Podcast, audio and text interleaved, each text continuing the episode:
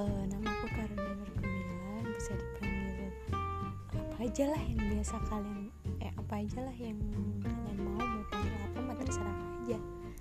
Eits, tunggu dulu. Tapi jangan panggil aku yang aneh-aneh ya.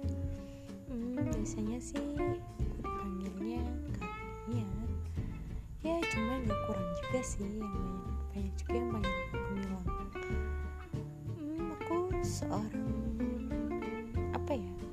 perempuan pengangguran mungkin? Ya. Memang punya banyak mimpi dan banyak cerita yang bakalan aku ceritain ke kalian semua. Terima kasih